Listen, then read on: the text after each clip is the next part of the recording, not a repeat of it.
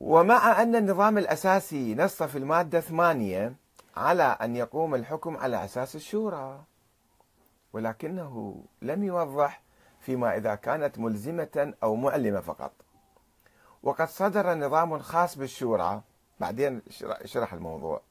نص على أن مجلس الشورى يقوم على أساس التعيين وليس الانتخاب من أحد. على أساس التعيين من الملك وليس على أساس الانتخاب من المواطنين. وبالتالي لم يمتلك المجلس حق التشريع في القوانين الجديدة أو المحاسبة أو المراقبة حتى أو تقديم المشورة الإلزامية للحكومة. هسه مو للملك للحكومة أيضا ما لهم حق هذا مجلس الشورى.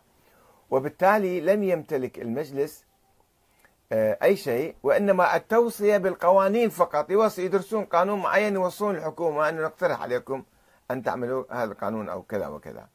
كما جاء في المادة 17 من نظام مجلس الشورى. أن يوصون ولم يمتلك أعضاء المجلس أي حصانة سياسية. يعني يخافون على أنفسهم أي كلمة يمكن يطيرون بها ويقدمون المحكمة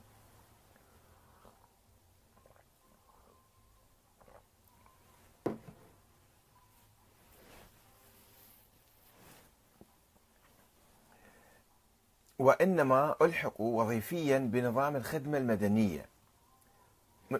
موظفين يعني بحيث يسمح للسلطة باتخاذ إجراءات إدارية ضد أي واحد منهم إذا نطق بنص كلمة.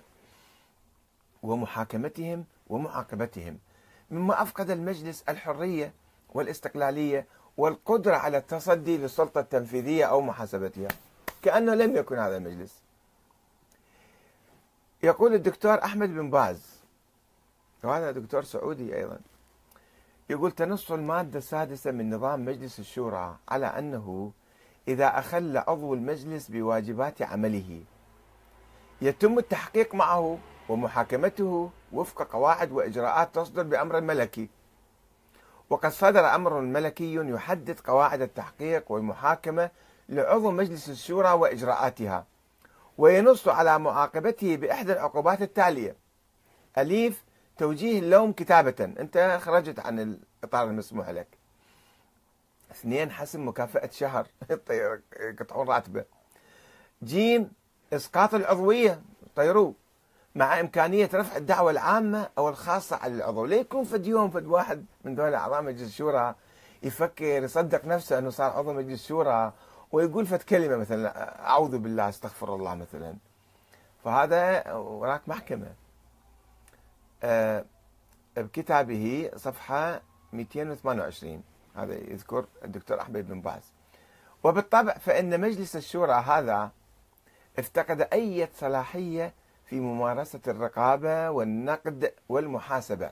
ليس للملك وإنما أيضا لأي أمير في أي وزارة أو إمارة أو دائرة حيث اعتاد الأمراء على البقاء في مناصبهم طول حياتهم دون رقيب أو حسيب. فعليكم بالله هذا المجلس الشورى شنو شغله بعد؟ كل مجالس الشورى في العالم على الأقل مراقبة محاسبة نقد توجيه لا المعروف نهي عن المنكر لا لا ما يجوز. بس على الفقراء والمساكين بالشوارع يمسكوهم ويضربوهم ويطبقون هالأشياء عليهم.